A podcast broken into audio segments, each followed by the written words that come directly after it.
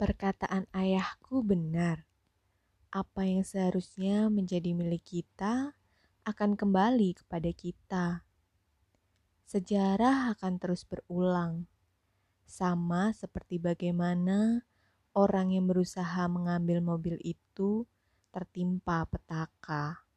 Petaka akibat kebodohannya sendiri. Namun, aku tidak menemukan kesalahan pada anak ini. Apalagi anak ini tidak ada hubungannya langsung dengan keluargaku. Tentu cara lama ayah tidak akan efektif. Apalagi pada zaman sekarang. Ah, tetap saja uangku harus kurelakan. Tangan kedua. Sutra dari Utara. Pada pagi yang telah disepakati, mobil kembali menyelam dalam kabut kebayoran lama. Atap mobil yang terbuka membuat suara kicau mempesona bersahut-sahutan jelas terdengar. Seakan-akan sudah memiliki sinyal yang sama dengan tempat yang kutuju. Saat memasuki jalan ini, kemudi otomatis kubelokkan hingga mobil merapat lambat di bibir trotoar. Aku menyambar hoodie biru hitamku di jok samping dan membuka pintu mobil. Sambil menarik resleting hoodie hingga rapat ke leher, aku menyeret langkah kecil menuju depan gerbang rumah Ana. Kali ini, yang menyambut di ambang gerbang seorang laki-laki tua berpeci marun kumal, mengenakan kaos partai biru tua dengan celana pendek warna coklat pramuka. Kumis lebat berubannya yang tidak terurus menutupi gigi serinya yang sedikit maju.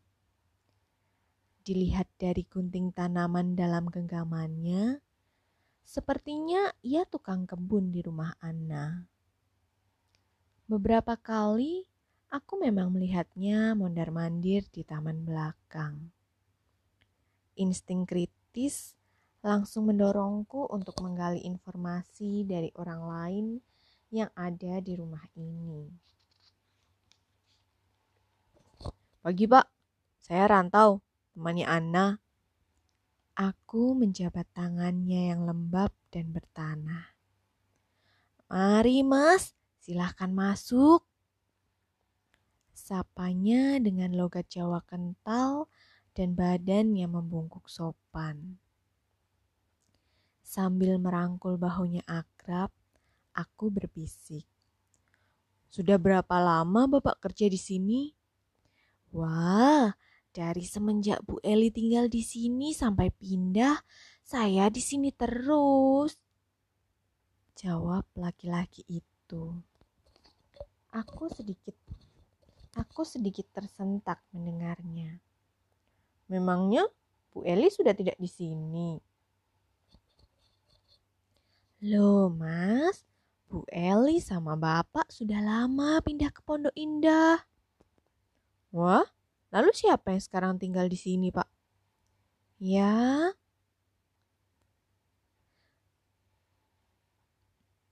Pak Din, Pak. Sebuah panggilan tiba-tiba merampas percakapan kami. Suara lantang barusan membuat tukang kebun ini berpaling dan berjalan terkopoh-kopoh menghampirinya.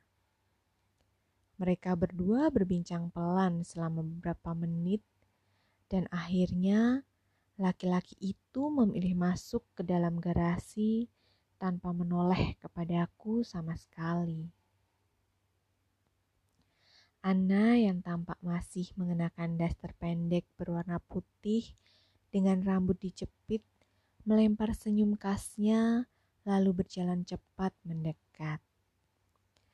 Pagi rantau, sebentar ya, aku siap-siap dulu. Masuk saja, lebih enak tunggu di dalam. Ajaknya. Oh, jadi baru sekarang enaknya. Candaku. Untuk pertama kalinya, kakiku merambah di pelataran rumah yang terasa lapang ini.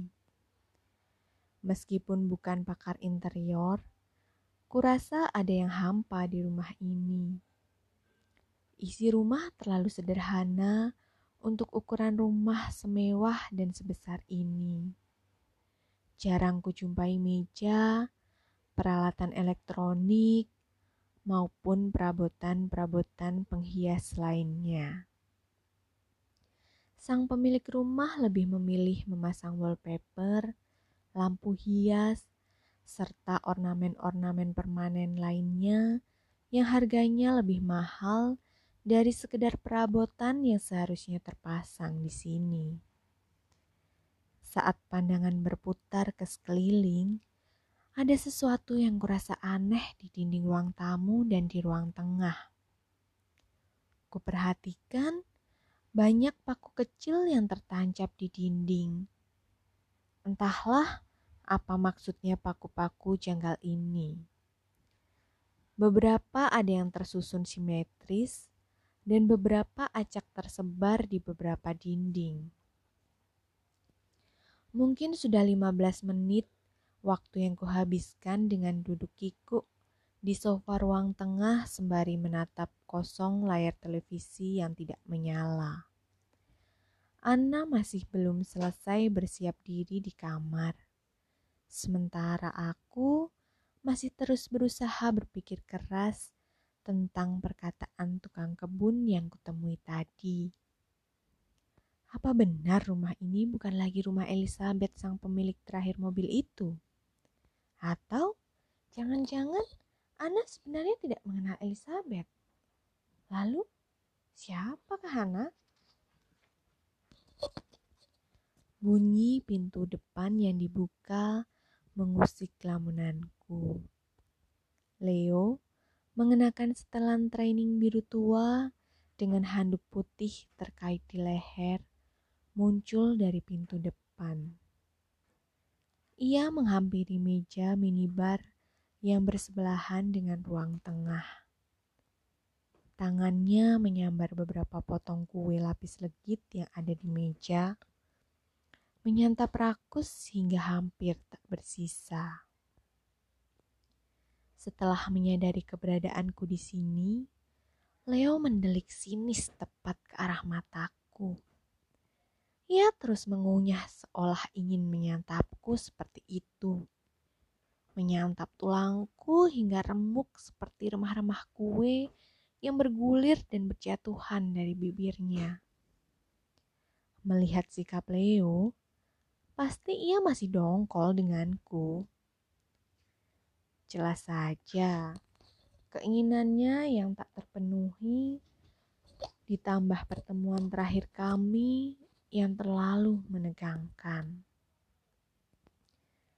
Akhirnya Leo melanjutkan langkah kaki besarnya ke arahku dengan gaung decit dari sepatu cats yang berukuran lebih dari 45. Tubuhnya tampak basah, dipenuhi keringat, hingga kaos abu-abu tanpa lengan yang dikenakannya seperti berhias corak pulau-pulau.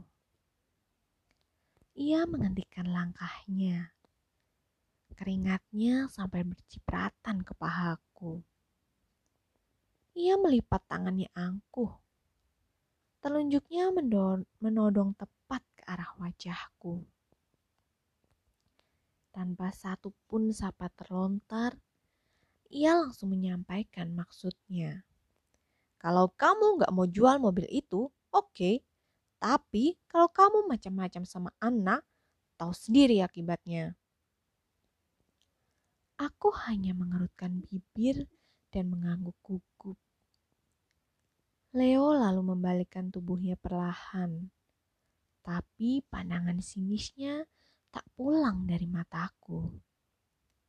Seakan-akan kehabisan stok kata-kata mengerikan, ia berjalan masuk ke dalam kamar mandi sambil melepaskan otot-otot tangannya. Tak lama, terdengar bunyi kunci pintu yang dibuka, disusul dengan suara gagang pintu yang diputar. Tetapi aku tetap tak mengalihkan pandanganku ke belakang. Hawa dingin AC yang datang dari kamar yang dibuka mulai terasa meraba tengkuk hingga punggungku. Berembus pelan merayapi bulu-bulu leher. Aroma vanila yang sudah bisa kurasakan merasuk hingga ke dalam indera penciuman. Lama-kelamaan, aku tak kuasa untuk tak menoleh ke belakang. Aku pun berdiri memutar, menerjangkan tubuh ke arah datangnya wewangian. Betapa terkejutnya aku ketika mendapati ujung hidungku langsung menyasar tepat di wajah Ana yang juga hendak berjalan mendekatiku kami berhasil menghentikan langkah kami tepat waktu. Kami seolah-olah membiarkan diri tenggelam dalam kecanggungan. Belum tercetus inisiatif untuk menjauh. Padahal kedekatan ini sudah lebih dari 10 detik lamanya. Mati saja aku jika Leo melihat pemandangan ini dari belakang. Kakak mana yang tidak kesal melihat adiknya didekati orang asing? Aku langsung menyeret tubuhku untuk mundur menjauh. Sisa kecanggungan masih tersisa di antara kami. Kini, dengan jarak yang sudah satu meter, aku bisa melihatnya keseluruhan dari ujung sepatu sampai ke rambutnya. Anna, sekali lagi ia bersaksi indah lewat tampilan barunya. Rambutnya hilang setengah dan menjadi sedikit bergelombang. Hari ini, ia memilih gaun terusan tanpa lengan berwarna biru tua yang bawahnya tak menggapai lutut. Seutas ikan ikat pinggang kain merah berkepala pita melingkar di pinggul mungilnya. Garis senyumnya terhias warna merah menyala. Sepertinya ia masih terbawa peran Marilyn Monroe kemarin. Bagaimana? Alisnya yang terangkat mengharap sebuah pujian. Biasa saja. Garis mataku datar seperti seorang juri audisi berselera tinggi yang menahan penilaiannya pada penampilan kontestan sebuah ajang pencarian bakat. Hmm, maksudnya? Maksudku, bagaimana sekarang? Jadi mencari pemilik selanjutnya. Ups, sepertinya aku salah fokus. Mengapa baru bertanya setelah sudah bersiap-siap? Tanyaku mengalihkan pembicaraan.